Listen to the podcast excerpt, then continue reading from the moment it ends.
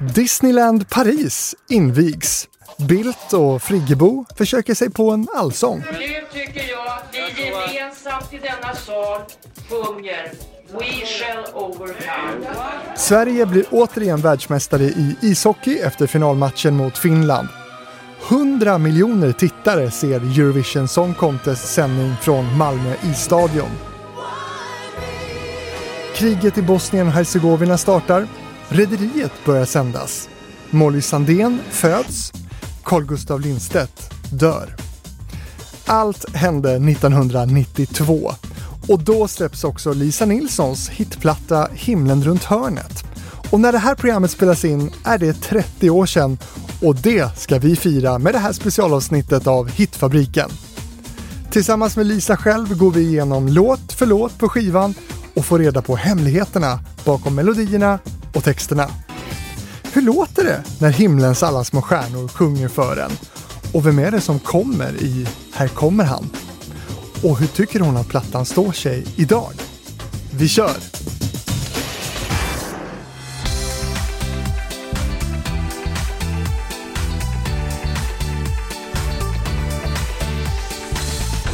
Välkommen till Hitfabriken, Lisa Nilsson. Tusen tack. Ja du, 30 år sedan Himlen runt eh, hörnet släpptes och vi gör det här specialavsnittet. När vi gör det här konstaterandet då, att det är 30 år sedan, hur, hur, liksom, hur känns det i dig? Ja, men det känns faktiskt helt rimligt, för det är länge sedan, det känner jag. Och samtidigt så är det ju liksom eh, 30 år summerar också en karriär som jag är så van vid att tänka på på det där reflekterande sättet. Jag mäter ju livet i releaser, barnafödande och skilsmässor. och premiärer. I den ordningen? Ja, men lite så faktiskt. Så att det, är väldigt, liksom, det, är, det är väldigt mycket upphängt kring hur, hur liksom vuxenheten eh, började. Mm. Var det då den började? Jag skulle säga att det var nog då den var tvungen att börja illa kvickt. Mm. Om den inte hade etablerats innan. Men vem var du då, då? För jag antar att du har reflekterat en del kring det. Jo men absolut. Det var ju liksom, jag var ju redan igång. Jag hade två skivor i ryggen. Och turnéer därtill och stora turnéer. Och badrock med Björn Skifs och gänget och sådär. Stora, stora liksom sommararenor. Så jag var ju inte oerfaren på något sätt. Men jag hade ju liksom inte riktigt hunnit bestämma mig för vem jag skulle bli när jag blev stor.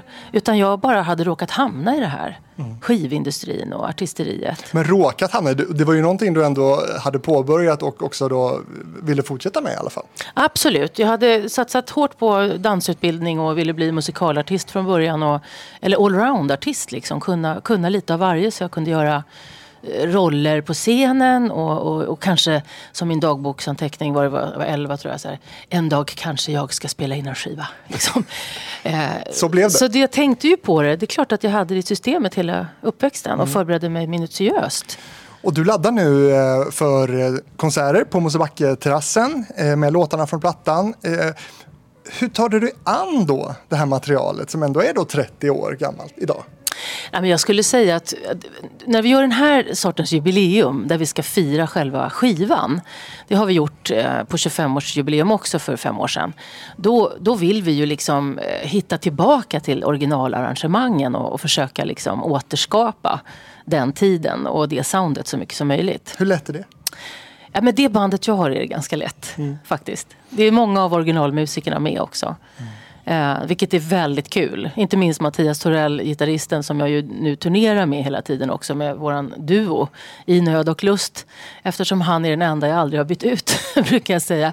De andra kommer och går men, men liksom eh, trummisen Per Lindvall som har präglat skivan jättemycket, han är med. Paul Svendre som är keyboardist är med.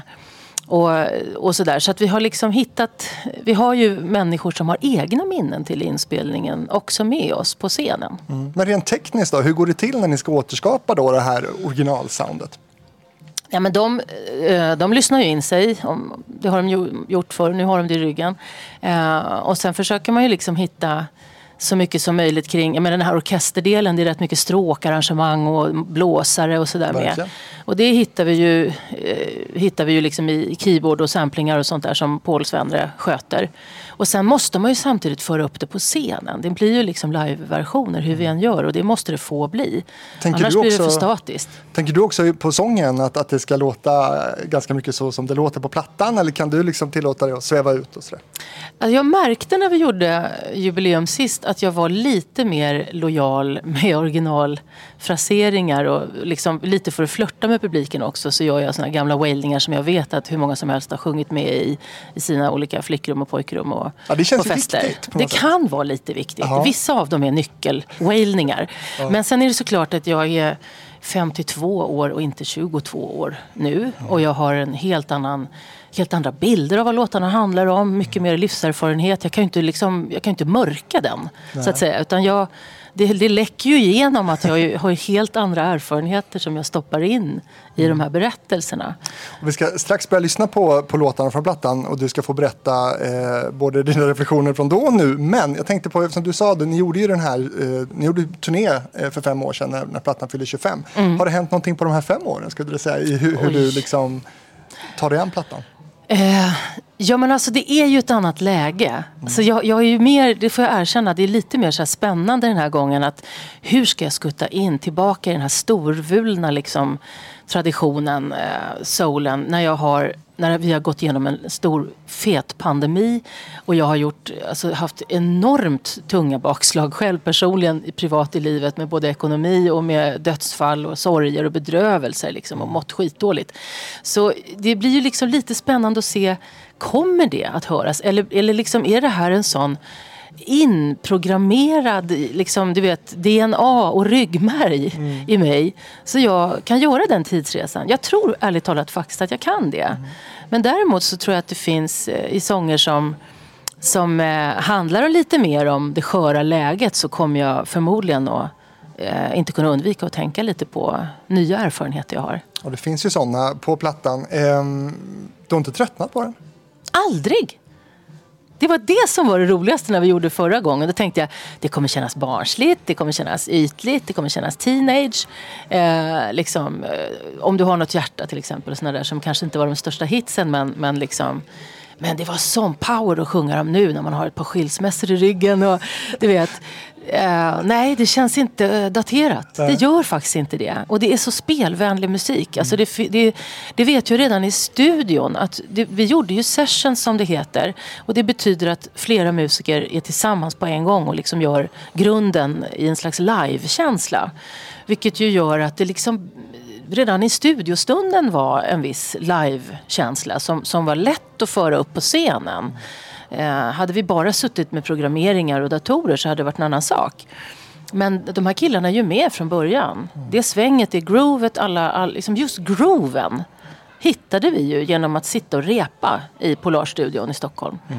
Ehm, så det, det tycker jag är, är kul att den är så, den är så lirarvänlig för musikerna och det, det tycker ju de är skitkul. Ett kvalitetsmärke också skulle man väl kunna säga. Verkligen. 91 så skriver du på skivkontrakt med Diesel Music och där fanns då Mauro Scocco som kom att skriva då Himlen i Törne-plattan eh, och han som kom att producera den. Nej, Eh, Johan Ekelund. Johan Ekelund, ja, precis. Ja, precis. Eh, Och Torbjörn Sten måste jag få nämna. För utan honom hade det aldrig blivit något. Det var han som var liksom ledar, ledarfiguren i trojkan. Mm. Visionären, PR-mannen, eh, managern. Det är han som ligger bakom Miriam Bryant också nu för övrigt. En av dem. Alltså han, han är en otrolig visionär. Det är, Tor, det är Torbjörns förtjänst, mycket av det här. På, på en av alla streamingtjänster för musik, Apple Music, så, så kan man läsa en beskrivning av din platta Himlen. Gud, så Har du läst den? Nej, det har jag aldrig gjort. Så här står det. Citat.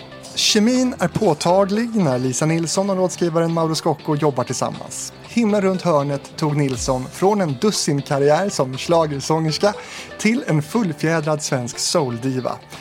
Här är hennes varma och rikt nyanserade röst inramad av Scoccos lyhörda produktion på ett sätt som kom att bli en milstolpe i svensk pop.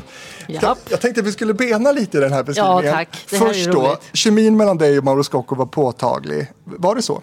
Ja, mellan, mellan hans låtar och mig får man ju säga. För det var ju inte så att vi satt och skrev det här tillsammans. Aldrig? Det mesta hade han skrivit redan innan. Jag blev alltså presenterad på, i demoversioner med Mauros ljuvliga röst, kassettband, ett- eller om det var CD. Nej, kassettband var det. Ja, tänk att det var det. Anyway, ehm, så att jag hörde ju låtarna med hans röst först. Så alla låtarna var klara? I princip alla. Några var väl under arbete. Eh, men liksom, eh, Ändå faller regnet till exempel kommer jag aldrig glömma när jag hörde första gången och tänkte det här är kvalitet. Eh, det, det var liksom bron för mig in. Vissa Mm. låtar tvekar jag på men inte den. Och den blev vägen till Himlen runt hörnet och andra som jag kanske först tyckte var, är det verkligen min grej att sjunga på svenska och sådär va. Men sågs ni någonting? Ja, ja, sen sågs vi. Men det var ju liksom, det, det, är ju, det, det enda jag vill liksom ta bort missförståndet kring det är att jag och han satt och skrev tillsammans. Utan det var hans, eh, hans hemliga verkstad. Och sen förvaltade jag det materialet väldigt mycket ihop med Johan. Det nära, nära arbetet var med Johan. Där vi testade oss fram länge innan vi gick in i studio. Det var ett väldigt så här, mycket slipande och eh, en slags skolning i att våga lita på att man kan visst eh, liksom sjunga på svenska och behålla sin soul. Eh, och man måste inte waila ihjäl en melodi utan våga lita på att man eh, liksom, i all enkelhet faktiskt kan vara ännu kraftfullare. Vilket ju är ett ständigt återkommande dilemma för vokalisttjejer med drömmar. De wailar sönder allt i början. Ja, det gjorde jag också. Eh, att du innan det här albumet då skulle ha haft en dussinkarriär som schlagersångerska, hur sant är det? Ja, det låter ju inte alls som en beskrivning av mig.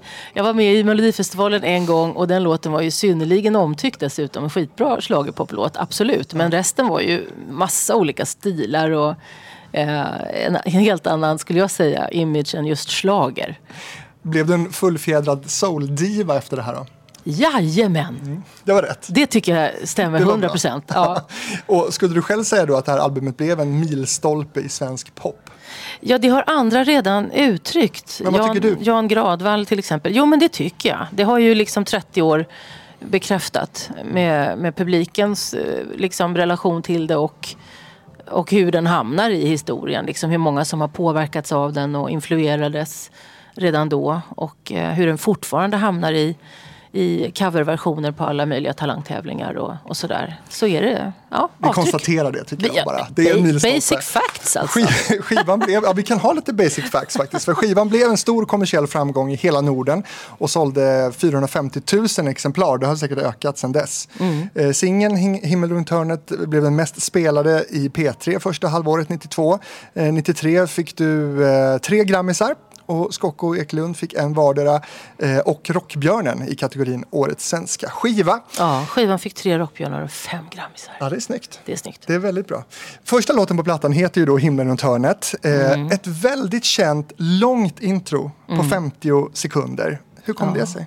Ja, det, var, det var bold, modigt eh, gjort av Johan och, Verkligen. och Bernhard Löhr, teknikern, att de Eh, gav sig på det här. Men det roliga var att, ja, jag vet inte hur det kom sig, det ska ju Johan svara på egentligen, men, men de, de ville liksom eh, etablera ett intryck av liksom den stämning och den elegans och liksom, det här är värt att vänta på. Eh, jag sitter still i båten. Liksom. Ni får, den som väntar på något gott. Alltså, det är en väldigt kaxig och en väldigt, det är väldigt bra regi om man kan kalla det det. Jag tycker ofta att produktion är regi. Och sen visade det sig ju att det var ett genidrag. För att alla radio-DJs älskar att prata över det där introt. Har det var ju så gånger. snyggt. Ja, jag kan tänka mig det.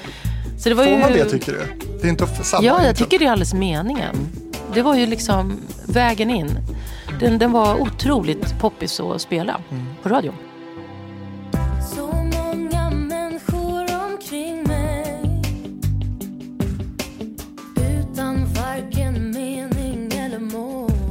Den här singeln placerade sig då som bäst på andra plats på den svenska singellistan. Andra plats tyckte jag lät konstigt, men så var det. Eh, och fick då en Grammis för Årets låt 1992 och Rockbjörn i kategorin Årets svenska låt och låg på Svensktoppen i 17 veckor.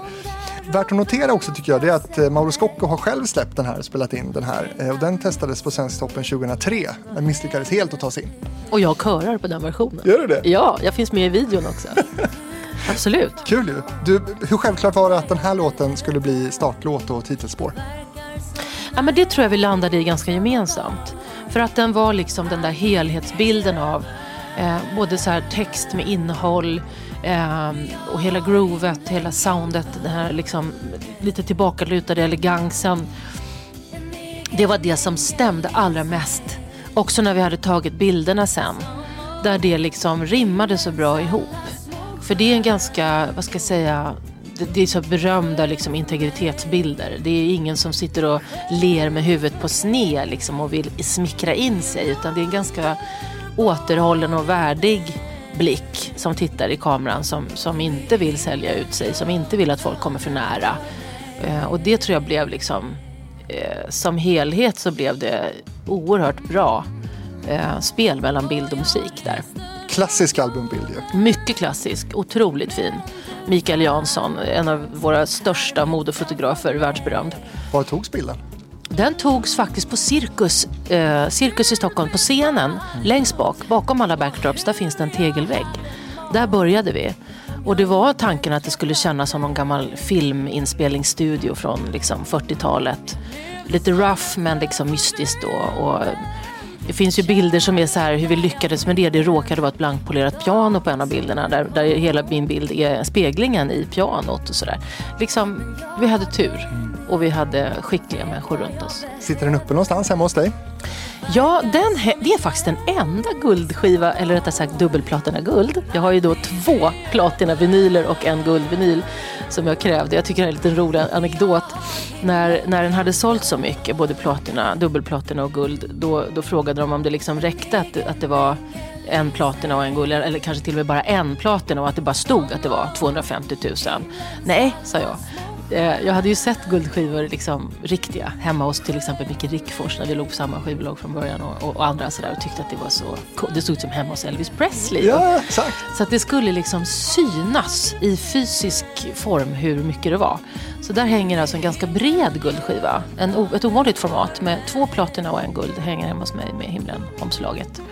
Det är den enda som får hänga uppe. Ja, det är för att den betyder så mycket för dig. Ja, det är liksom, den är så jäkla viktig och den är så snygg. Och den, eh, det där att jag vågade manifestera min egen framgång på det där sättet tycker jag också är så härligt.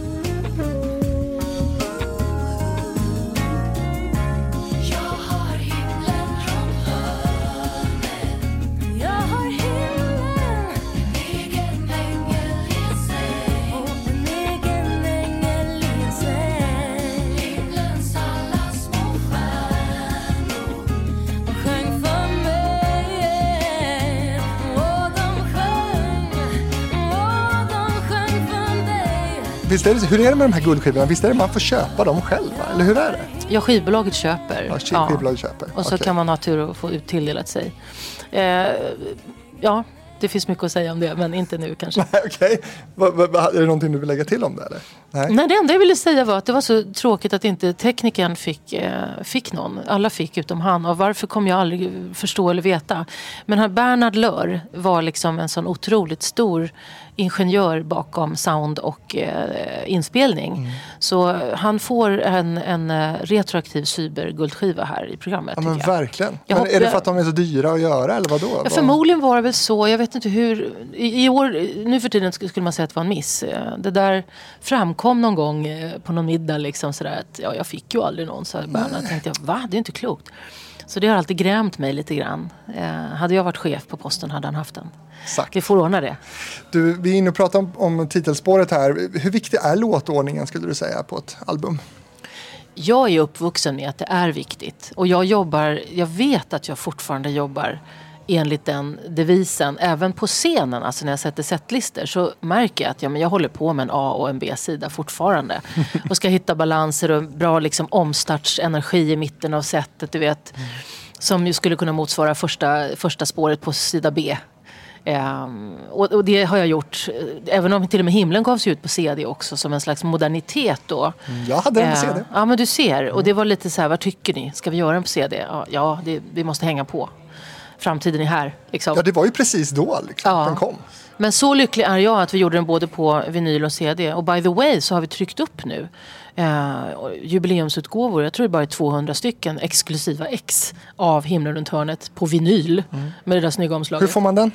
Den får man eh, beställa eller komma och köpa på Mosebacke-terrassen. Ja, du kom- kommer jag kommer faktiskt, ja, jag kommer signera. Jag ska försignera idag efter vår intervju här nu. Några stycken, för jag, man vet aldrig om jag hinner med alla där, eh, hur det blir. Men eh, det kommer finnas eh, möjlighet till signering eller köp av signerad. Kul! Innan releasen då, förstod du att det här skulle bli en sån megahit? Din signaturmelodi i liksom livet? Nej. Nej, jag förstod, jag förstod, eh, det finns några sådana nyckelmoment. Det ena är när jag, jag fattar att jag håller på att gå in i en förändring som också gör slut med en viss frihet rent musikaliskt och som människa. Det fattade jag redan under inspelningstiden. Eller jag tror inte ens vi hade kommit igång. För då hade jag en möjlighet nämligen, det här är lite rafflande. En musikerkompis som var producent, Magnus Persson, trummis och legendarisk eh, slagverkare och producent. Han hade, eh, jobbade mycket med Peter Lemark och MNV-studion också. Och de hade liksom, jag hade gjort någon duett med Peter Lemark och varit där ute och jobbat liksom och körat på hans platta och sådär. Så det fanns liksom ett motförslag lite grann, fast mer, inte lika uttalat. Att du borde jobba med Lemark och gänget på MNV liksom. Det är mer din bakgård. Så här, lite mer politiskt orienterat och lite mer, eh, så här, vad ska man säga, en annan sorts poesi också tror jag. Och Magnus och jag, Magnus Persson och jag hade ett samtal där jag anförtrodde mig och min oro. Liksom, att vem ska jag gå och bli? Har du rätt? Vad, liksom, vad borde jag göra? Är det, här ett, det här vägvalet är så stort. Och jag var ganska ledsen och oroad. Jag grät liksom, i telefon över det här. Hur ska det bli? Um, men sen, sen vet jag att jag sa till honom att jag, jag vet att jag måste göra det och det kommer kosta.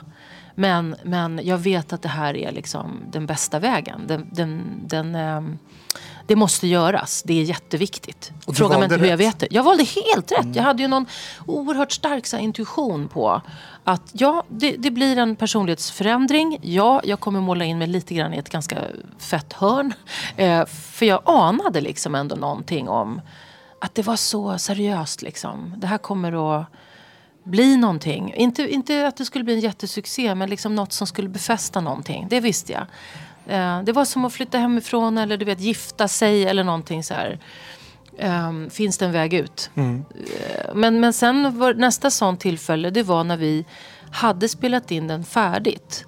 Och, och jag tror den var mastrad också. Det vill säga alltså fin, finjusterade ljudbilden liksom, så att det låter bra som helhet. Det hade vi gjort och var i Polar-studion. Bjöd in ett antal liksom exklusiva lyssnare.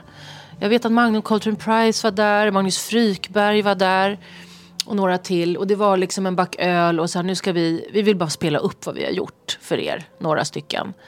Och det var liksom, det blev så här, ah, luften gick ur rummet. Det var andlöst. Och jag kände av det där vibben liksom i det här rummet, du vet. Eh, att folk blev, de slutade prata som man annars gör och kommentera massa insatser och balla riff och solon och så här. Utan de var tysta och de slutade sig tillbaks och de liksom eh, fokuserade och de var verkligen berörda. Och sen var det ju folk som sa redan i rummet så här att shit det här är, det här är något helt annat. Liksom. Det här har aldrig gjorts förut och vilken jävla grej. Och fattar ni vad ni har gjort liksom? Och då kände man det där, "Ah, vad är det som är på gång liksom? Vad ska hända? Och sen slog det ju till något så in i bängen. Sen förändrades ditt liv. Helt och hållet. Det var det verkligen. Jag tänkte också bara, längden på låten är över fem minuter, går emot alla konventioner egentligen. Ja. Och då är inte den den längsta låten på plattan ens. Hur gick snacket om det? Nej men det var också så här, en lyhördhet faktiskt från skivbolag och producent att Lisa är uppvuxen i en liksom riktig musikfamilj. Jazzmusiker, pappa och hela det här. Kyrkomusiker. Kunnig, erfaren, begåvad. Liksom riktigt musikalisk, äkta vara. Det får inte vi tumma på. Jag var noga med det och de var lyhörda för det. Och jag tror att de fattade också att, att eh, tar vi liksom inte med den stora aspekten av, av det som råkar vara min specifika talang. Då har vi liksom, då har vi inte gjort det vi ska. Då har vi, eh, då har vi liksom inte tagit med det som är det vinnande konceptet i det här. Men det låter på dig som att det var en diskussion kring detta alltså. Det, jag är övertygad om att det var m- många fler diskussioner än jag behövde ta del av. Eh, jag menar diskussionen, jag vet inte om jag förekommer din plan här nu, men liksom diskussionen med Varje gång jag ser dig som ju var, också var en stor singel. Ja, den kommer vi till. Den kommer vi till, men det kan vi ta då. Vi tar det då, spara det då. Eh, har du en egen ängel i en säng? Och vem är det i så fall? Ja, det där har jag hållit på med på var... Alltså nu senaste turnéåren så håller jag på och skojar om det där. Eh, det finns ett mellanprat som inkluderar just den frasen. Så här, jag säger till publiken, efter 30 år med samma låt så börjar man, man hinner ju fundera lite över vad det är man faktiskt sitter och säger eller sjunger. Liksom. Eh, en ängel i sängen, eh, låt oss vara uppriktiga, jag är 52, det har varit ett, ett antal eh, besök i den där sängen vid det här laget. Så här, tråkigt hade det varit annars, eller hur? Eh, men aldrig en ängel. Alla aldrig kanske inte är någonsin. änglar som hamnar i sängen inte, inte en enda jävla gång har det varit en ängel. Men sen landar jag i att för mig är det mina döttrar. Jag har två änglar i min säng.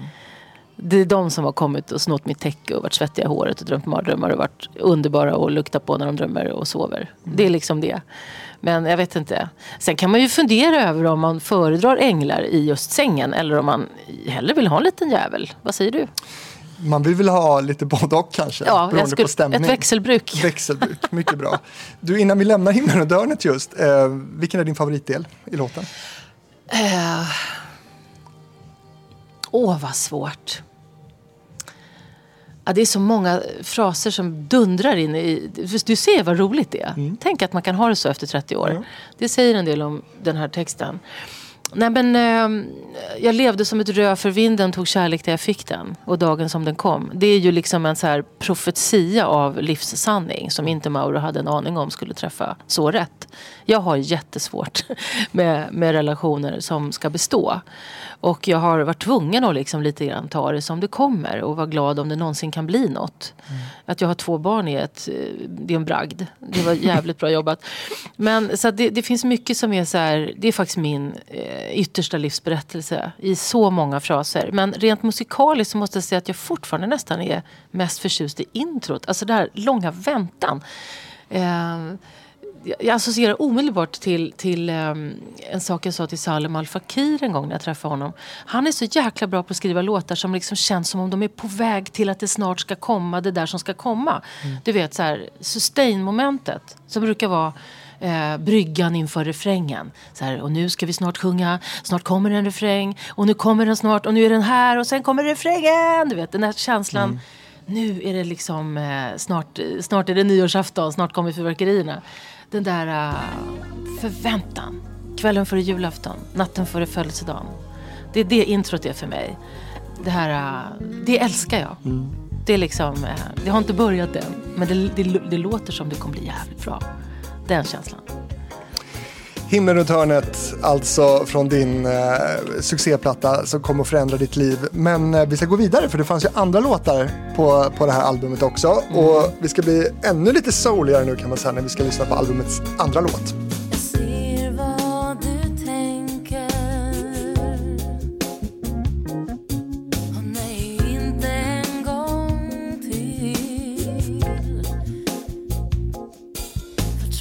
Ja, trots de bästa intentioner så blir det sällan som man vill. Det hade du kunnat skriva själv, Jajamän, eller hur? det hade jag. Berätta lite om Aldrig, aldrig, aldrig. Ja, men aldrig, aldrig, aldrig. Alltså, dels så tycker jag så oerhört mycket om liksom, tempot är perfekt, groovet är perfekt. Jag fick massa sångutrymme. Eh, jag kunde glida på fraserna och liksom, ta in alla mina mm, gamla Anita Baker, liksom, Aretha Franklin och Stevie Wonder-influenser i det där. Jäkligt härligt att få göra. Och sen är ju låten liksom... Eh, Ja, det är ett sånt där moment som man har varit i hundra gånger. Så. Och eh, verkar vara the soundtrack of my life på ett sätt. Aldrig, aldrig, aldrig. Nej men alltså man längtar ju dit att så här, hitta det där. eh, jag menar jag har ju varit i det. Jag är jättelycklig över sådana stunder när man känner att inget ska få komma mellan oss. Vi är liksom, du och jag är ett och allt det här. Eh, nu äntligen landar det. Nu börjar liksom the real deal. Men har det känts så varje gång för dig? Ja, det är jag och Sven Wollter. Det är på liv och död eh, varje gång. Och det kommer aldrig kunna ta slut. Eh, och, det, och det tror jag på riktigt varje gång. Jag är övertygad om det. Jag är extremt... eh, Jag slår i höjden på förälskelse och övertygelse. Och sen har jag lite svårare att förvalta när det kraschlandar. Den här långa, sega, li- livslånga grejen. Men jag tycker jag har klarat det ganska bra ändå i och för sig. Ja. Eh, tio års eh, eller sju års intervall är inte fy skam. verkligen inte. Det är inte alla som klarar av så långa förhållanden överhuvudtaget. Exakt. Men, men är, är, det, är det just den där naiviteten tror du som har gjort att det har blivit som det har blivit? Att, att du eh, liksom, du går in för hårt? Det, ja, dels tror jag det är en slags här, li, lite skev utgångspunkt när det gäller eh, vem, vem är man när man går in i en relation? Liksom, vad är det för... Eh, är det verkligen jordat och förankrat eller är det hoppet som styr eh, rörelserna? Liksom? Jag tror att jag har varit lite utanför mig själv många gånger tack vare just eh, eh, succésagor och kändisskap och sådär som jag inte riktigt har vetat hur man gör med.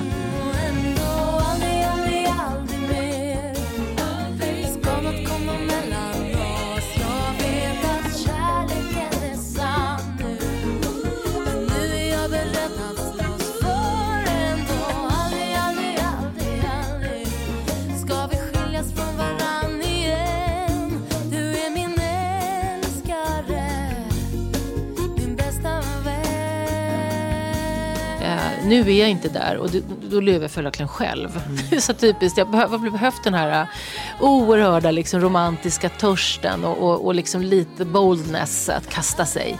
Har jag behövt för att klara av att göra det överhuvudtaget. För att om jag, som jag gör nu, står stadigt och känner efter, ja då blir det ingenting. Nej. Nej. Så nu blir det inget mer.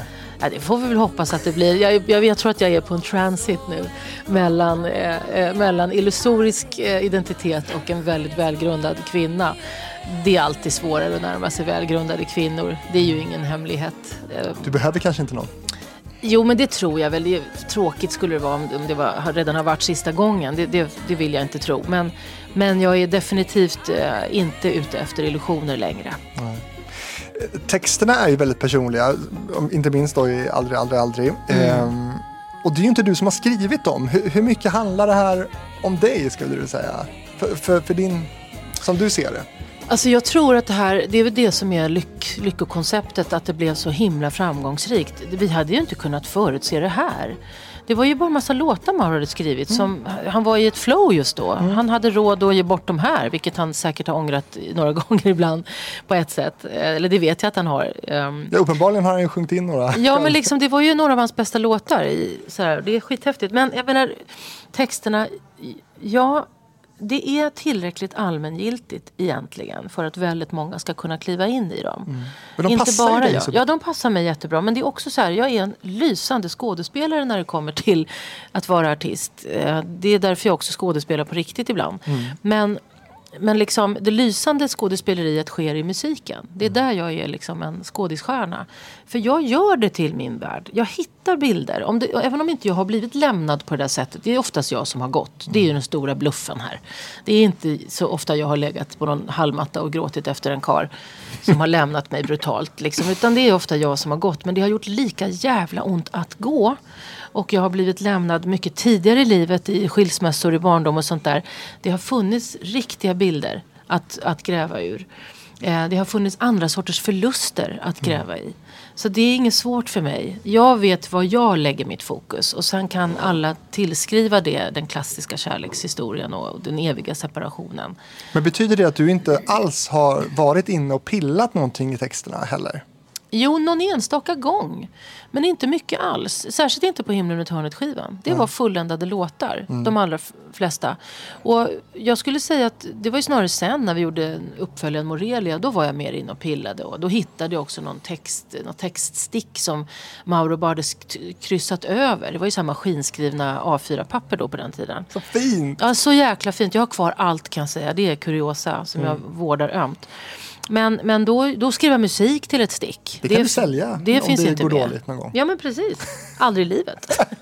Barnen får göra det om de blir fattiga. Ja. Men, men eh, när du sjunger den här texten då, vem var han som, som du känner när du sjunger är din älskare och bästa vän? Mm, ja, Finns men just sån? då när det var den tiden då, då var jag så obotligt kär i, i en musiker som, som just då var producent för Thomas Ledin. Och, och vi turnerade rocktåg, han i Thomas band och jag i mitt band och sådär. Så det, var ju, det fanns ju en rejäl, en riktig kärlekshistoria i det där också. Och jag hade haft andra innan. En av mina absolut största kärlekar hade jag ju liksom eh, separerat ifrån strax innan himlen där och det. Vem var det då? Eh, det var också en musiker eh, på den tiden. Så min första stora liksom, Men relation. musiker, ska man vara ihop med musiker? Ja, Liksom? tydligen inte. Ja. Det, håll, det håller väl... Knepigt. Knepigt. Nej, men jag har haft skitkul med mina musikermän. Jag har älskat dem allihopa och de har hjälpt mig och lärt mig mycket. Det, det kan jag tillskriva dem också. Alltså jag har haft utveckling, eh, samarbetesutveckling med samtliga inblandade. Ehm, men, de, men, också, men också ofta av, av det skälet gjort slut för att jag har behövt få komma vidare med, i egen regi. Alltså, män och musiker har en tendens att influera lite väl mycket ibland. Och man som kvinna är så jäkla upplärd att underkasta sig dessa spännande skivsamlingar och sådär. Så att är jag köpte min egen. Ja, jag har min egen skivsamling nu. Vi ska lyssna på låt nummer tre av tio nu. Den heter Du.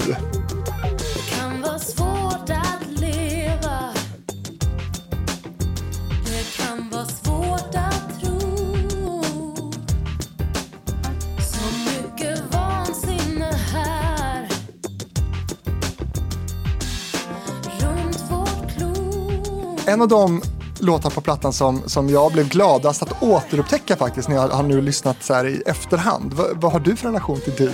Jag känner lite likadant ärligt talat. Den är ju... Eh, jag tycker den är tidlös, jag tycker texten är evigt angelägen och intressant och jag tycker man kan lägga in även andliga aspekter i den, vilket jag gillar. Det finns liksom en gospel-touch eh, även i det lyriska med, med tro och hopp och liksom Verkligen. Och du har fått mig att framåt. känna igen och fortsätta framåt, ja. Även när, när det liksom är bistert och jävligt. Ehm, det är en trösterik sång. Och den har väldigt, väldigt ljusa, vackra, varma färger liksom, som jag ser den. Och ehm, den liknar också hur jag har skrivit låtar tidigare själv och, och sen återkommit till. Liksom. Jag, jag skrev ju mycket innan men, men vågade aldrig visa det för någon förrän, förrän långt senare. Men det, jag gillar när man kan balansera på att det här kan du rikta till vem som helst. Är, det, är, det liksom, är det mannen, är det föräldern, är det Gud, är det liksom, vem är det som är duet i det här? Jag har faktiskt skrivit det här nästan lite religiöst om det inte handlar om en kar. Psalmboken nästa, det här kunde bli en psalm. Du ser, du ser, ja, men då, då, då tolkar vi det lika. Ja men faktiskt. Jag gillar det.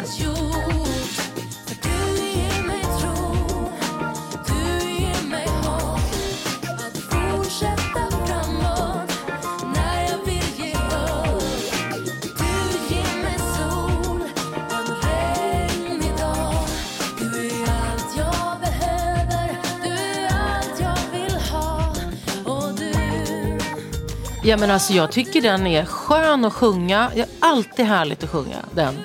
Och den svänger och jag gillar texten. Jag tycker om budskapet. Jag tycker det är extremt välbehövligt här och nu.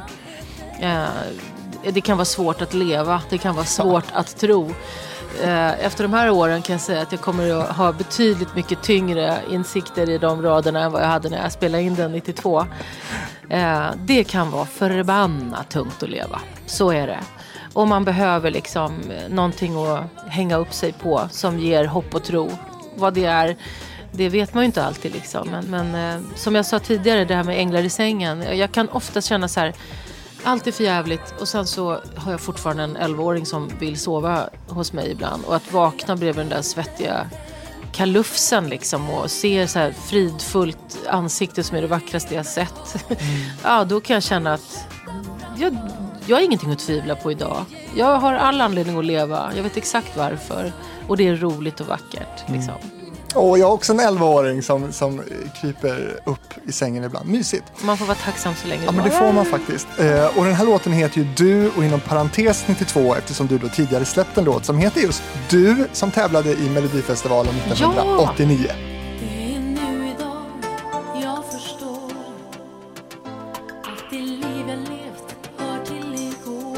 Och det sägs, jag vet inte om det här är sant Lisa, eh, men det sägs då att den här låten från Melodifestivalen har du inte framfört sedan dess. Stämmer det? Det stämmer inte längre. Det var länge så. Det stämde. Jag vägrade göra den på turnén. Jag vägrade ha med den på, på fullängdsskivan som gjordes i samband med Schlagerfestivalen 1989. Alltså vilken PR-agent tillät detta? Det kan man säga Varför också var hatar högt du den där låten? Nej men jag hatade det inte men jag var mycket noga, apropå det vi inledningsvis sa. Vill du bli definierad som en, en dussin eh, schlagersångerska eller vad det var? Nej det vill jag ju inte. Så att jag ville jättegärna göra det här för jag tyckte det var en bra låt. Jag älskar Bobby Ljunggren och Håkan Almqvist. Jag ville jättegärna liksom göra det för dem också. Ehm, men jag ville markera att det här är inte vad jag ska bygga min karriär på. Därför så tog jag ett bandbrott direkt efter första singeln. Skivan är något annat. Singeln är singeln. It's a one-off. Eh, och det där hör ihop med, för att förklara, nu älskar jag Mello by the way. Nu av alla årtionden när det liksom är som mest egentligen urvattnat och, och snarlikt låt efter låt. Eh, det här var ju ändå en ganska originell tid fortfarande och när det liksom fick ny revival.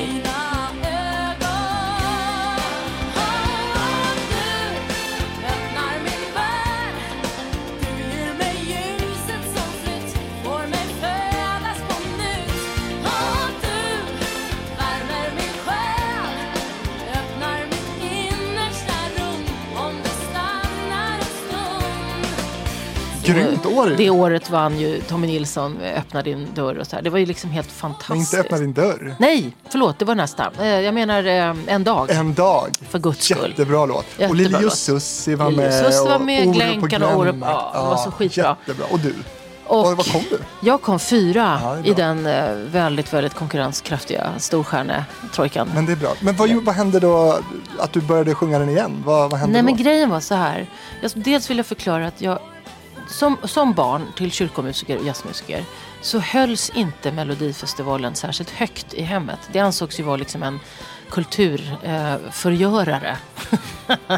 Eh, eh, så att jag hade så mycket liksom det i, i präglingen. Att så här, det är inte det jag ska bli när jag blir stor. Ungefär som att det var någonting dåligt.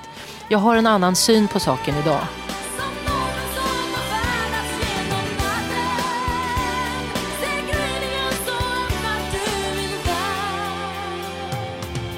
Jag, jag är helt frigjord och befriad från fördomar. Jag älskar Mello. Jag tycker det är en jättebra plattform för folk att, att komma ut på. Så att, eh, kanske i takt med den så att säga, lite så här frigörelsen från, från eh, pappa musikerarvet.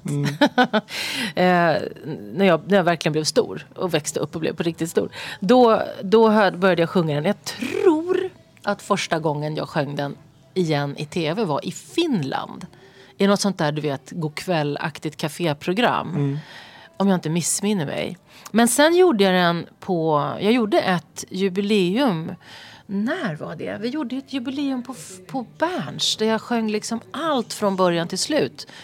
Alla representationer liksom. Då gjorde vi den med blås och alltihopa. Och en, till och med en sån här mello-fanfar innan. Eh, Så att den har framförts och eh, jag kommer sjunga den igen. Senast den framfördes var i, nu i sommar. Goda vänner till min, eh, till min mina brorsa gifte sig och älskar den här låten. Så jag och Mattias Torell, gitarristen i, i mitt band och min duopartner, vi framförde den på ett lite sådär akustiskt sätt. Det Fint. gick ju hur bra som helst. Ja. Och eh, sanningen att säga så tycker jag att den texten bara växer hela tiden. Ingela Plings underbara text. Den var jag inne och petade i. Det var något med Ikaros som jag strök. Eh, att som Ikaros lyfta på längtans vingar. Idag skulle jag gladligen sjunga en så högtravande eh, fras. Ikaros är ju ljuvlig förebild. Eh, men då var det något så här att som, ja, jag, ville, jag, tyckte, jag tyckte jag var så liten, jag var ju bara 18. Så jag tyckte det lät lite väl liksom. Ja. Ikaros. Men du, du älskar Mello. Eh, betyder det att dörren är öppen för eh, comeback där eller? Det beror på. Jag har aldrig sagt tvär nej, men jag har däremot sagt nej otroligt många gånger. Och faktiskt också till rätt rafflande låtar som andra har fått hits med. Vilka då? Det kommer ju inte avslöja. Ja, men det är väl preskriberat. Nej, inte än. Jag gör faktiskt inte det. hur, I närtid då? Alltså, Nej men det handlar väl om, eh, det var ju runt 90-tal, strax innan himlen till exempel så var det en, en eh, låt som som, som, som jag, någon ville att jag skulle sjunga som gick till en kollega till mig. Vilket jag är jätteglad för. Det var en han den gången. ja, men det är ju preskriberat. Det är ju Det- 30 år sedan. Nej men jag kan inte outa det nu. Just, inte utan att konsultera artisten i fråga. Det är goda vänner till mig det här. Ja, ibland, ja. ibland kan det vara så här. Men det är ju jag vill inte ta udden av. runt. Men tänk dig själv. Jag vill inte ta udden av att de lever med tron att de var första gångs tillfrågade. Känsliga musiker. Jag vet, men jag, det här är hänsyn det handlar Ja, jag om. förstår. Ja. Men jag är, så jag smickrad över, och det, jag kan säga så här, på, det som har varit finast med det, det är att jag på riktigt har glatt så oerhört mycket över vad händer om man backar? Ja. Då kan dörren, alltså det kan bli en så här svallvåg av framgång för någon annan. Det har jag sett sjukt många gånger. Och det tycker jag säger, alltså det är så här, du vet, en livslärdom. En Ibland, man pushar ju på så jävla eller? mycket jämt, du vet va? Nej, inte Nej, vinnarlåt. Nej, nej. Men hits. Ja, kul. Ja, skitkul. Vad hade du velat göra i Mello då? Om du Nej, men skulle jag göra Mello då, då ska det ju vara liksom att någonting bara stämmer. Att det är liksom en låt som passar i tiden, passar mig i livet och där i ett år där Mello känns relevant. Alltså, jag vet inte. Men spänn- det låter spännande tycker jag ändå. En vacker dag. Eller så hamnar jag som någon sjukt intressant mellanakt. Ja, det är inte fel det Stepp, heller. steppar och sjunger schlagers. slipper du ju eh, tävla också. Eh, ett enkelt gitarrintro tar oss in i nästa låt. Åh, Säg mig, vad ska jag göra nu när du inte längre finns här? Ändå faller regnet, och där Lisa. spelar ju min eh, killen jag var så kär i som jag pratade om förut, Lasse Andersson. Ja, för det här låter ju som en, att du sjunger om en gammal kärlek. ju. Ja, alltså det, det där var ju vi, tror jag, ett par redan. Eller var vi det? Jag tror det. Jo, det var vi väl. Men hur som haver, ja, han är en sån fantastisk musiker. Och vad han har gjort är att han har stämt om sin akustiska gitarr för att få just den klangen som är. Jag kan inte redogöra för eh, nu exakt vad han har gjort, men det där är en sån här snackis. Eh, till och med min kära trogna Mattias eh, som, som jag spelar så mycket med, inte minst akustiskt nu, hela konserter med akustisk gitarr, säger att det där, den där liksom, man vill inte spela den på något annat sätt. Utan då ska man ha med en extra gitarr som är stämd på det sättet för att framföra Ändå faller regnet. Och byta till liksom. Ja, det är Lasse Andersson, geniet faktiskt, som, som eh, hittade den tuningen. Ehm, och den har jag en kuriosa om att jag tackade nej en gång när Ken, Ken Ring hörde av sig och ville ha den som eh, liksom loop, som sampling under någon låt. Och jag var fortfarande kvar i mitt lite konservativa stadie av, av livet. Eller kanske det mest konservativa skedet i mitt liv ever. Då levde jag med ytterligare en annan musiker. Och jag liksom tyckte att, eh, ungefär så här, lär dig spela gitarr själv. Jag tyckte så här, man, man rör inte Lasses konstverk här och liksom loopar det. Idag hade jag bara jublat. Jag hade jublat och bara sagt tack vad roligt, gör något fint med det här. Men vad har Eh, hänt Lisa? Du är en ny person. Ja, men jag har varit, jag är så lätt påverkad också. Det är därför jag säger att jag ska inte leva med män. De har för stort inflytande över mig. Kvinnor kanske? Ja, kanske det. Ja, nu, nu i den här moderna tiden, eh, samtal runt köksbordet handlar sällan om annat än att eh, b- olika former av binär. Icke-binär, binär, Ja, just det. eh, Det är mycket nu. queer, hbtqi+. Ja. Men, är det något du... Nej, jag har aldrig, jag har aldrig liksom funderat. Jag tänker så här, som med allt annat, jag hamnar väl där jag hamnar. Du har Who öppnat knows? den dörren så att säga. Öppna din dörr. Undrar om. Tom har öppnat den dörren?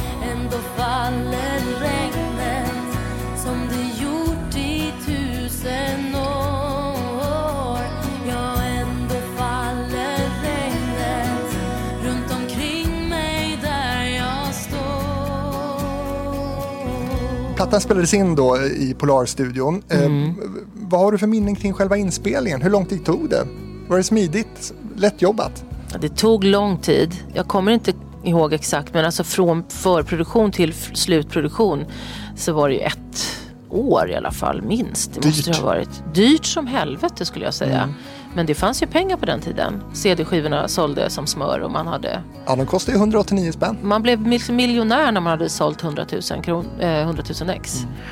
Men, ehm, nej, men jag, minns, jag minns det som en väldigt så här att bli tagen på allvar, musiken togs på allvar, det var noggrant, det var lekfullt också, det var spännande, det var arbetsamt. Det var liksom ofta lite nersläckt där inne, ganska stora rum, stort, stort, stort eh, mixerbord. Det här var ju liksom Benny Anderssons verk, Polarstudion, där ABBA hade spelat in sina skivor. Det var liksom legendariska vibbar i väggarna, du vet. Kändes det? Ja, det gjorde det. Det förpliktigade. Jag tyckte man gick in och tog man det på stort allvar. På gott eller ont menar du? Alltså, På gott skulle jag säga. Jag tycker det, det, är, en, det är en stor, ett stort missförstånd kring det där att det skulle bli någon slags stel pretension av att ta musik på allvar. Det här är det vackraste som finns, det är det viktigaste jag vet. Eh, jag tycker snarare att det är en plikt att ta det på allvar. Man har inte tid att slarva med så fina saker. Så kort tid på jorden som vi lever. Men det tog ett år. Det tog ett år och jag, jag har såna här minnen. Till exempel så var det så att eh, Polarstudion låg då på eh, Sankt, Eriks, alltså Sankt Eriksplansbron. Va? Bron över mot Kungsholmen. Den låg på Kungsholmens sidan precis efter brofästet. Där det är ett gym idag. Ska vi säga. Ja, det är ett gym idag. Det har varit Synsam också tror jag någon gång. Och nu är det ett gym av okänd art.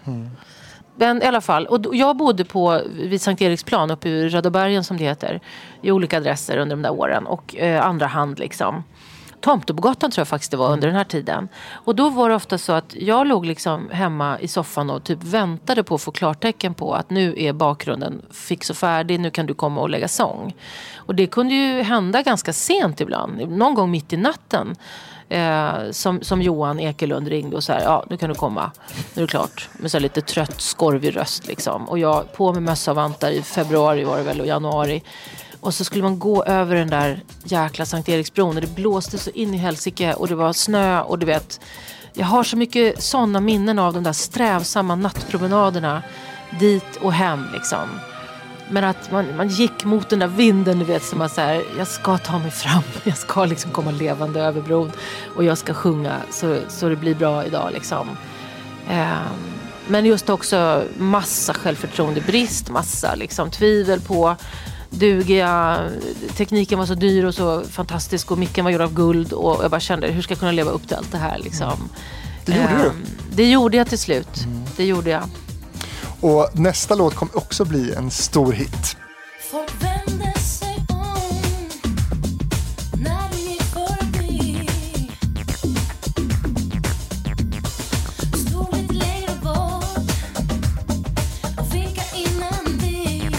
Singeln placerade sig som bäst på femte plats på den svenska singellistan. Eh, Låten låg på Svensktoppen i 14 veckor och var bland annat etta. På Tracks låg melodin i fem veckor och andra plats som högsta placering varje gång jag ser dig. Ja. Bra låt du. Jag tror att Kjell Arlinge spelade den ibland så fyra olika mixar en, en söndag. Efter Eh, varandra. ja, han hade sitt söndagsprogram, eh, Eldorado var det va? Eh, och det var liksom sådär, det var så mycket Lisa Nilsson i radion så att jag, jag blev tillsagd på av en postkassörska en gång. Kan du hälsa han Kjell Arlinge att han kan ju spela annan musik också? Någon gång. Sa hon det till dig? Ja, sa hon det till mig. Och, så, och då tänkte jag, nu har det slagit. När folk klagar på att det spelas för mycket, då har det jäklar i mig slagit. Då är man stor. Då är man stor. Nej, men varje gång jag ser det är ju liksom det är ju så här, lite nageln i ögat, eh, eller vad ska man kalla det? Alltså den, den stora utmaningen under, under inspelningen. Den, den eh, enda liksom riktigt så här, diskussionen. Ska med, ska inte med. Nej, jag Jaså? inte, sa Lisa. Jag tyckte liksom att det är för poppigt och det är för disco och det är för så här, det låter Pet Shop Boys som om det var eh, kritik. Eh, varpå jo, Johan och Mauro jublade. Liksom. Pet Shop Boys fick en komplimang. Det är ju världens bästa band.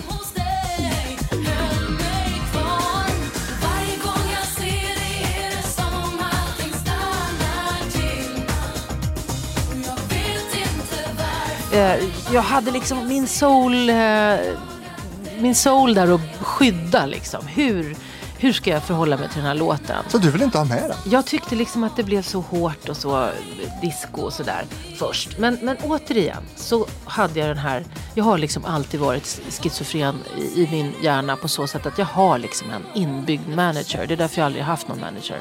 Jag har redan en superklok, jättedistanserad, tredje ögat person som förklarar för mig, det här är smart. Gör det bara. Sluta gnäll. Gå in och sjung.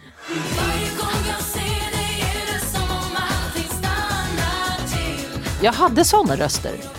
Och eh, skivbolaget själva naturligtvis eh, sa samma sak. Att jag tror verkligen på den här låten. Så, ge det ett försök. Och sen gjorde vi det bara och så blev det en brakhit. Och sen har jag krigat med den här jävla låten i liksom hela min karriär. Eh, med blandade känslor tills jag någon gång skulle göra något sånt där, du vet, PR på radio, bara ta med en gitarrist och sjunga i liksom något av radio talkshowerna. Eh, hur närmar vi oss den här låten då med bara gitarr?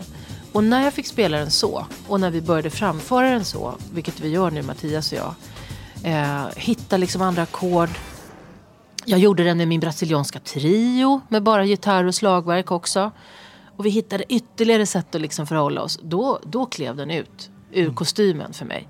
Och där liksom fick jag syn på det här uh, som ju är min bästa gren. Det, det stora förälskelseögonblicket. Och hur barnslig man blir, hur osäker man blir, hur, hur liksom skärrande det är att bli sådär kär. Eh, självtvivlet som kommer med det och allt det där. Och det var ju också the story of my life kom jag på då. Så nu, nu är det en av dem jag aldrig... Jag vill inte ha en konsert utan att den är med. Men det tog 20 år.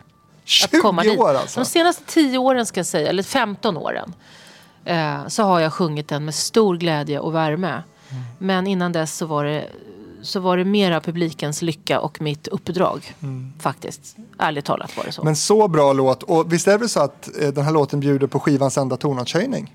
Jajamän. Det var, gissar jag också diskussioner kring, eller? fånigt fniss som mina barn skrattar ihjäl sig över. Vad är det för fånigt fniss i mitten? fniss. De, de härmar mig och skriker av skratt. Vad är det där mamma? Jag vet inte. Det roligaste med det breaket är att jag har utnyttjat det på scen väldigt ofta. För det är ju verkligen ett avslag och sen kommer en tonartshöjning. Och det här avslaget, den här tystnaden. Där kan man ju skrika alla möjliga saker. Allt ifrån så här festivalaktigt så här. Ah, Varberg, hör ni mig? Du vet så här. Och så skriker alla. Eller, eller liksom sjung, nu sjunger vi allihopa och sådär. Till att jag i, i eh, nu ska vi se, Åbo va? Turku, det är väl Åbo? Ja. I Åbo. Jag började hitta på så här att den turnén så ska vi hitta något lokalt aktuellt som händer på varje spelställe som vi liksom gör en slogan om, lite så här surprise. Och i Åbo så fick vi veta att senapsfabriken hade nyligen flyttats till annan ort. Om det inte var till Sverige också till och med. Turkusenapen som för övrigt är skitgod, riktigt, riktigt bra kvalitetssenap. Massa människor har förlorat jobben. Det var liksom ett stort bakslag för Åbo. Och vi gör sloganen Turkusinnapin takaisin Turkuun. Som betyder Turkusenapen tillbaka till Turku.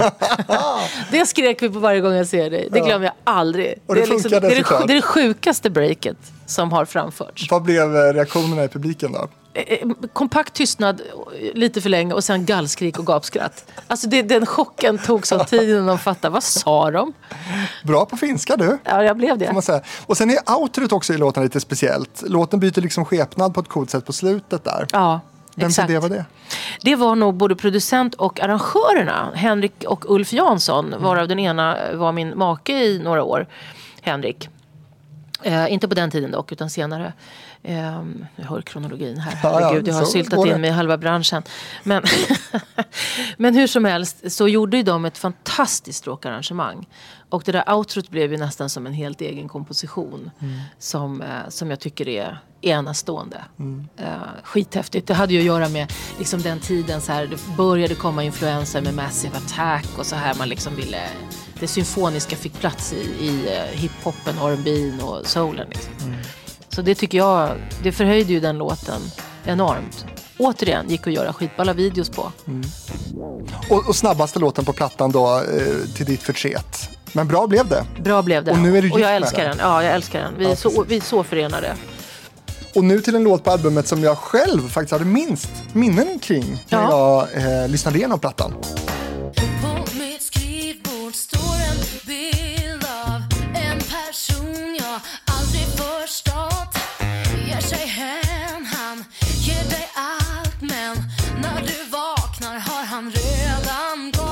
Men du, svängig skön låt ändå. Ja, nu tycker jag den är bättre också än vad jag tyckte då. Här kommer han. Jätteroligt. Ja. Vad, vad har du för relation till den här låten? Jag tyckte den var kul eh, då också, liksom att göra, just för att det var så här lite Prince-hårt liksom, och funky på något sätt. Väldigt så. Här kommer han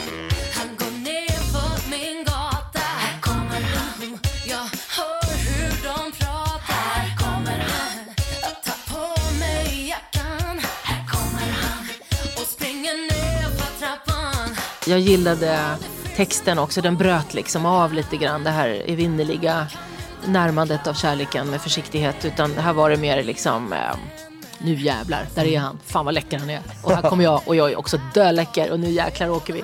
Alltså det var en så här kaxig, ganska självförtroendeaktig text. Var det din, Eh, nuva- eller din dåvarande då som du såg framför dig också då? Eller vem handlar den Nej, om? det tror jag inte. Nej. Utan mer liksom en filmisk bild av... Eh, jag menar, jag vet ju, jag kan ju bara du säger det så kommer jag ju ihåg. Jag kommer ihåg hur det känns att stå vid mikrofonen i studion på den tiden och jag vet exakt hur bilderna ser ut. Och det har jag tänkt samma bilder sedan dess. Så jag går exakt, det är ju gator runt, absolut runt liksom eh, Stockholms innerstad och sådär. Eh, jag vet precis hur det ser ut. Och, eh, och jag, jag älskar att få vara så förbannad. Att liksom, eh, när det går snett, då, då åker du ut liksom. Mina vänner säger till mig liksom, eh, ta det i akt. Vad är det han vill? Vad är det här för tjomme liksom? Lita inte på honom. Han är en ful fisk, han är en player. Jag tycker om, eh, jag tyckte om den kaxiga, lite mera, jag ska säga, stå upp för sig själv-texten. Verkligen. Jag minns att det var, den var svår att få till live. Det var inte alla som fixade det där groovet. Vi gjorde om den på Danmarksturnén kommer jag ihåg. Då gjorde vi liksom en, eh, någon slags så här bluesig shuffle. Så här, Något sånt där. Jag, jag minns inte. Ja, det, det bråkades med den i alla fall. Eh, så den var kanske inte den självklaraste. Liksom att bara, den spelade inte sig själv. Nej. Den krävde sina musiker. Men var det snack om att den, alltså redan när ni spelade in den, att den var lite svår? Det, jag tror det. Jag tror att vi har, jag, jag, om inte jag missminner mig så gjordes det lite fler versioner av den innan vi enades om den här. Och att det var just mycket mer så programmering och liksom eh, hitta rätt folk som kunde naila det på något sätt. Så minns jag det, men det, det kan också vara en efterkonstruktion. Vi ska lyssna på eh, låt nummer sju nu på Lisa Nilssons album Himmel runt hörnet som alltså fyller 30.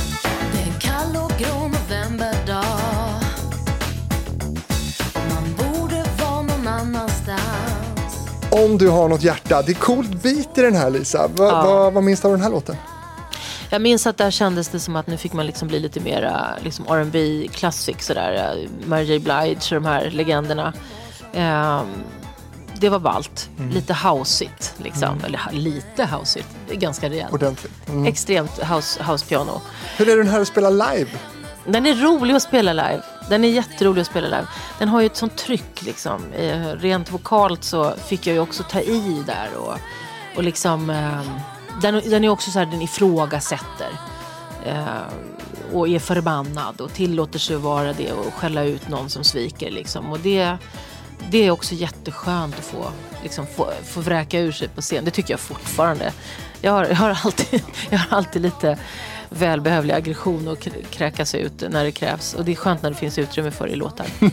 Det finns där någonstans Det finns till. där, ja Men absolut. du, det är ju några veckor eh, bara bort från eh, att du ska köra den här plattan. Hur långt har du kommit i din process just nu? Så du, du sa till mig innan att du har inte ens skickat ut någon liksom, låtlista egentligen som är klar. Nej, alla, alla ba- bandet vet ju. Vi har gjort det här förr, ganska nyligen. För oss är det känns det nyss. Så att det sitter ju i kroppen på allihopa. Vi kan det här.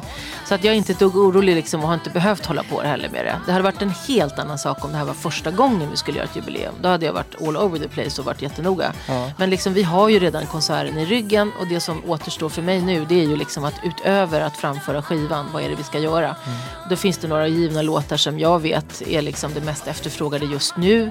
Och vad är det? 100 till exempel, Anna Diaz-låten jag gjorde är Så mycket bättre. Även Benjamins låt som blev lycklig i min version. Ehm, happiness, som han, han, hans Happiness gjorde jag om till Lycklig. Ehm, sånt som folk älskar när vi gör live. Och sen är det ju liksom evergreens på min repertoar såklart som man liksom inte riktigt vet om man kan vara utan. Allt ifrån andra Så mycket bättre hits, alltså eh, Vart du än går. Eh, och sen Gamla långsamt farväl som ju Mauro hade en bra hit med först och jag också haft en hit med och sen faktiskt Benjamin i sin väldigt annorlunda version. Och den är så fruktansvärt sorglig och hemsk. Den är så jäkla bra och sorglig och jag har sjungit den nu under åren och fått helt nya bilder. Eh, Alltså har man, har man gått igenom eh, situationen tio år, mamma tio år med Alzheimer och sen en långsam jäkla eh, förfalldöd så är det svårt att sjunga den nu för tiden faktiskt utan att ha det med i åtanke vilket ju gör att det kan vara svårsjunget. Men du kommer att köra plattan från låt 1 till låt 10, eller? Ja, tanken är att vi framför verkligen skivan så som den var kopplad som det heter, alltså åt, i den låtordningen. Ja. Eh, Jag har varit inne och tummat på liksom så här, Måste man spela alla? Ska vi ta bort ett par stycken till förmån för eh, nutida låtar som är väldigt efterfrågade? När jag väl ställer mig på en sten i Stockholm. Det är så många låtar folk vill ha. Det är så många Ja. låtar från Små rumskivan. Säg det igen vill man ha. Du öppnar min värld kanske? Ja, man kanske vill ha Du öppnar min värld. Det är det jättemånga som faktiskt, faktiskt skriver om och vill ha.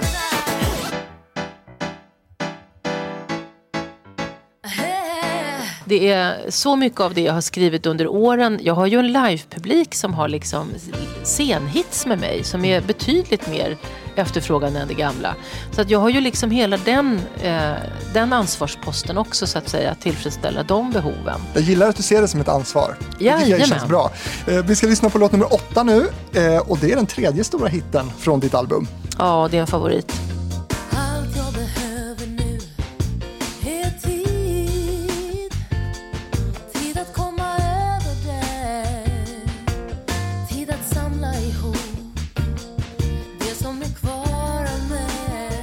Allt jag behöver nu är lite lugn och ro. Ja. Shit, den har aldrig varit inaktuell någonsin. den är verkligen the soundtrack of my life. Den är nog mer det än någon annan tror jag nästan. Och en duktig skilsmässolåt du. Det är en duktig skilsmässolåt. Och den är ju också liksom, ja men den är så mycket.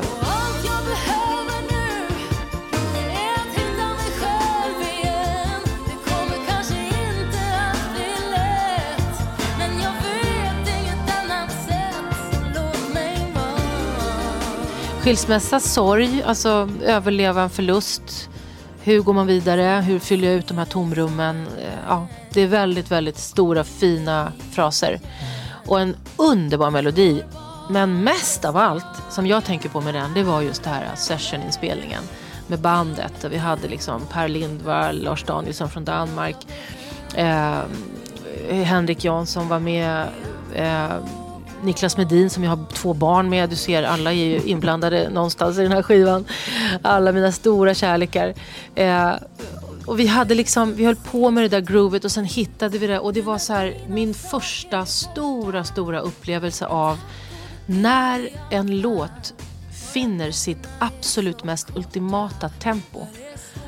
Så att liksom, det, här är ju, det här är ju kvantfysik, matematik, förstår du? När det liksom varje frasering, varje slag i respektive musikers komp liksom funkar så jävla bra med varann. Så att det bara börjar åka på ett sätt som känns kosmiskt liksom fulländat på något vis. Det går inte att förklara, men man får liksom en så här gråtfärdig gåshud över hela kroppen och bara vet att vi är så hemma. Och vi bara håll, håll, andas inte, gör ingenting. Håll liksom, så att inte det här eh, förstörs nu. För att man bara visste det. Och just, jag kände det liksom i sättet jag sjöng att det är så perfekt i fraseringen hur tempot ligger liksom. Jag hinner med att uttrycka köttigheten bakom fraserna. Jag hinner landa liksom. Och jag vilade så mycket i musikerna. Och det, det, var en, det var en av mina absolut största stora inspelningsmusikupplevelser i, i, i livet. Det är den. Och det är så fantastiskt att det fick ske. Liksom, och att det finns på skiva. För, för ehm, jag lärde mig någonting och jag fick syn på någonting som jag sen alltid har strävat efter. Och, eh, och ofta också har, har, har bråkat med musiker om just det här när det är det måste bli mer uptempo i showen. Nej, det måste det inte. Men det måste vara rätt tempon. För är det det så blir effekten av det precis som om det är en stor uptempo-låt. Alltså du vet när, när någonting är när när tempo är perfekt för, för en sång och, och liksom alla är med så blir det lika förhöjd eh, stor känsla som om det går fort. Alltså tempo och speed är helt nollintressant. Förutom när det är perfekt för en låt. Då är det jäkligt häftigt liksom. Men kan det inte vara stridigheter där mellan vad man tycker, eller vilket tempo man faktiskt tycker att en låt ska ha? Jo, det kan det det, är vara. det som är... Och sen har du liksom adrenalin, hormoner, hjärtfrekvens, eh. Stress, barnlämning på dagis, vad det nu är som ligger i ryggen, ett gräl från igår. Så kan ett tempo plötsligt kännas jättebra för en person och Mm. jätteforcerat för alla de andra som inte har haft de här problemen. Hur mycket var Mauro eh, med under själva inspelningarna? Han kom och gick, som jag minns det.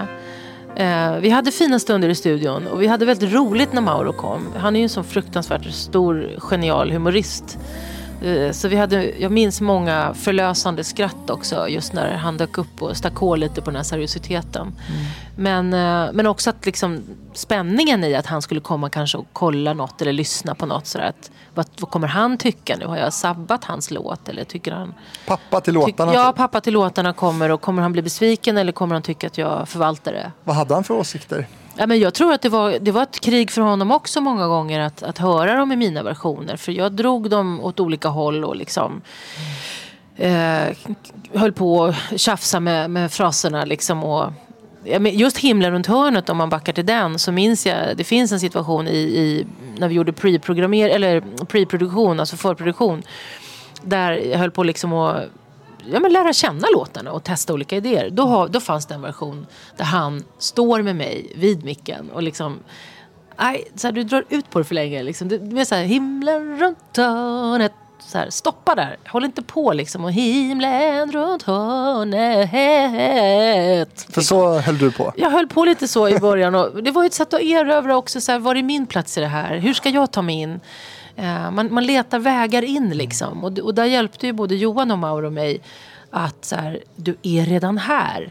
Du behöver inte tillföra så mycket. Bara du öppnar truten så tillför du. Men vem bestämde då till syvende och sist? Allihop. Och till syvende och sist såklart Johan och Bernhard som mixade det här. Näst sista låten på plattan, den är helt utan intro. Ja, Vem plockar upp dig när du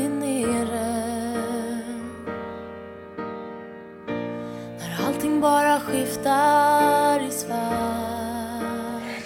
Vem heter låten? Eh, kortast på plattan också, inte ens tre minuter. nej. Vem med Lisa Nilsson? Berätta om vem då? Vem tillkom i sent skede också. Eh, det fattades något just enkelt. Det hade varit mycket produktion, olika uttryck, olika varianter, tempon. Ehm, och man ville ha en låt som var clean.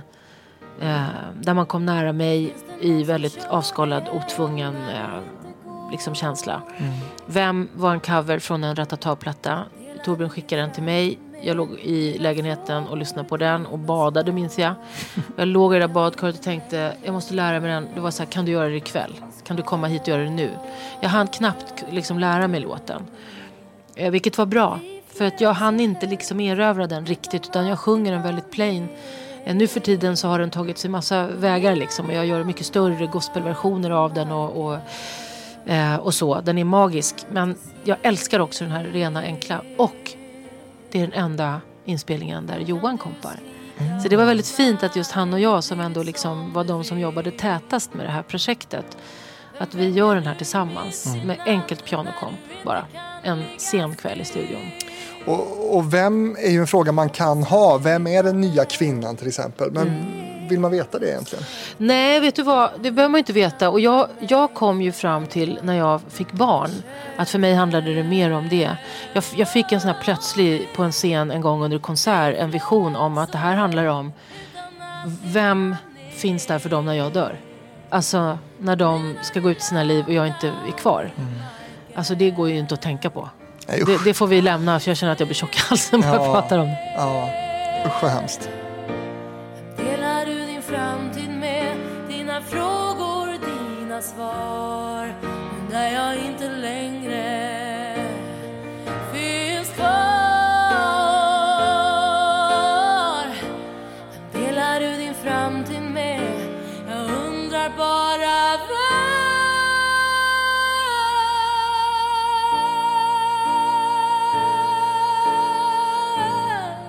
Sist ut på skivan så avrundar vi väldigt lågmält och försiktigt. Ja.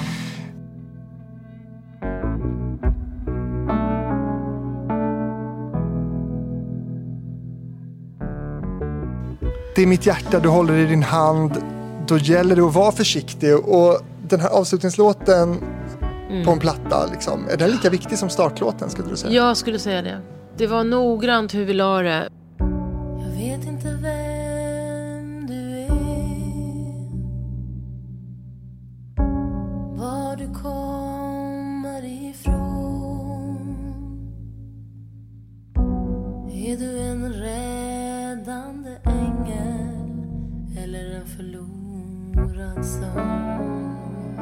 Jag minns att man pendlade mellan, ska den vara Och så är det vem som är det sista.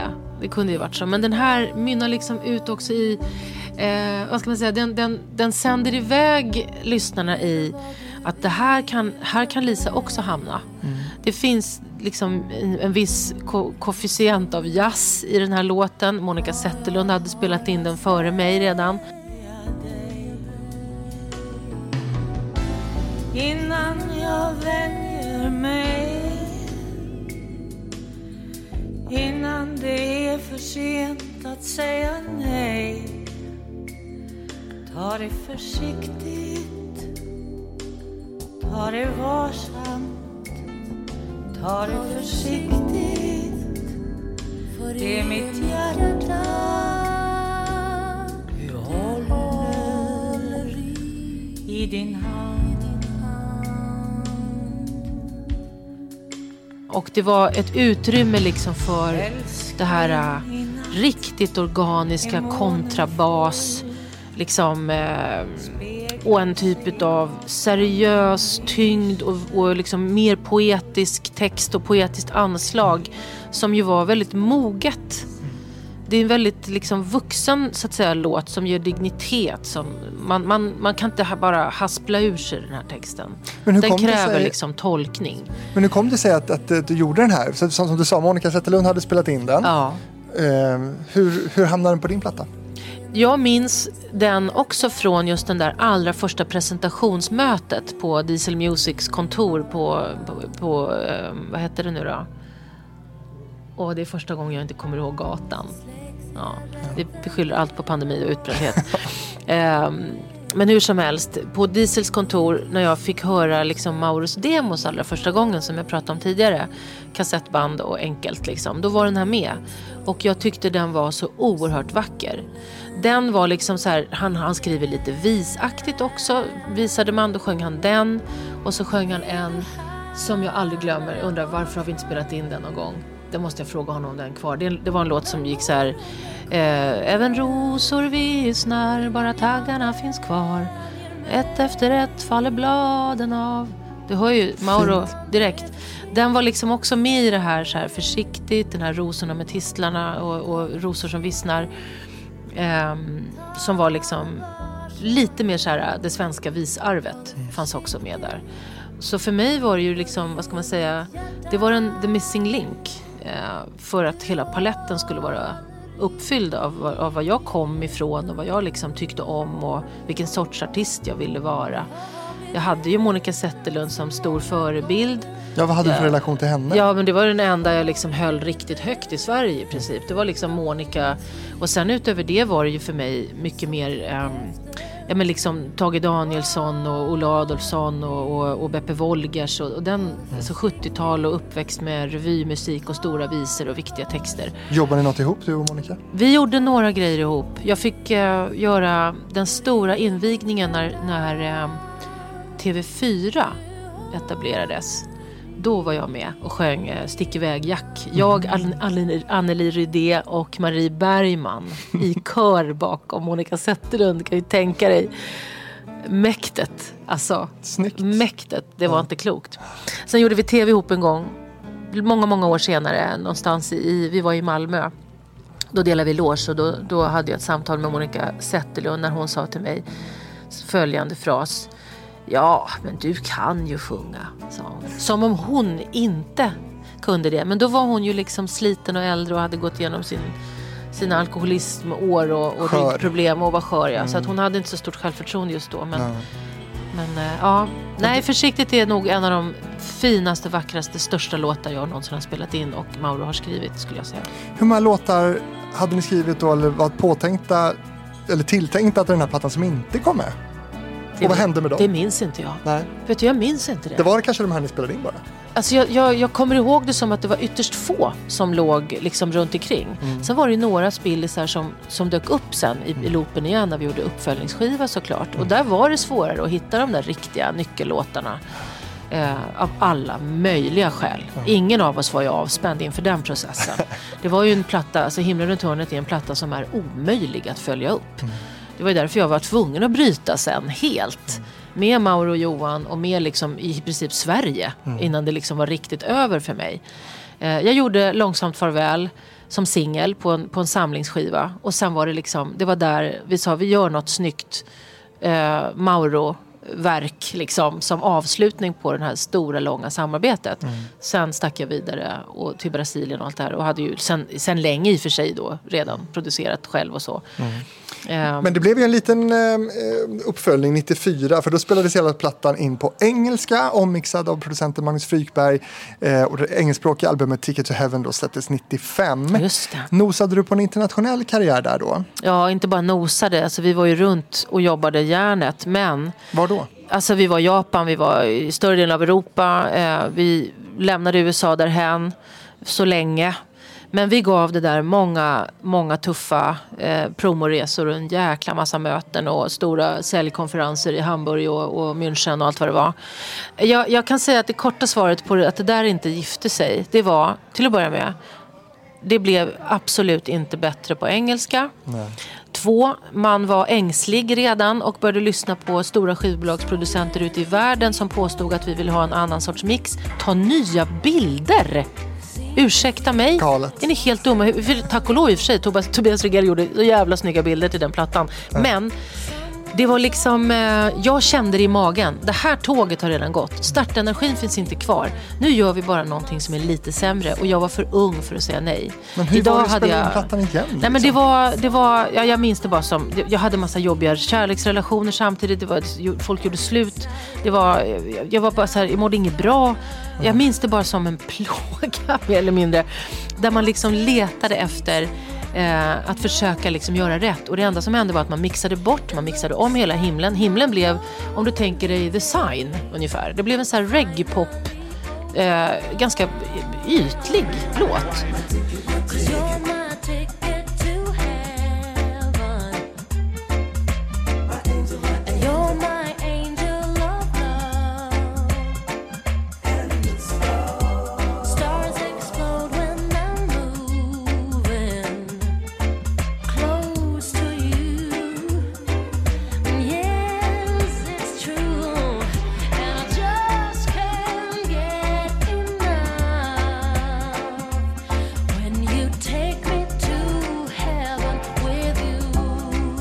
Eh, you're my ticket to heaven. Liksom, det var ju inget flyt, det var ingen soul, det var ingen djup liksom stor så här, tidlös världstext om människornas sökande här på jorden. Du är min biljett till himlen grabben. Ska vi köra? Det Nej, blev ju så. det blev något så helt annat. Men om man säger så här då, vilken av låtarna gjorde sig bäst då, omgjord till engelska? Fanns det någon som du ändå tyckte var liksom, att det funkade? Nej, men jag tyckte många funkade, men det var ju de här låtarna som aldrig, aldrig funkade skitbra. Never, never again. Faktum är att varje gång jag ser det blev asbra. Där, där tyckte ju jag att den blev bättre på engelska. Let me in your heart. Let me in your heart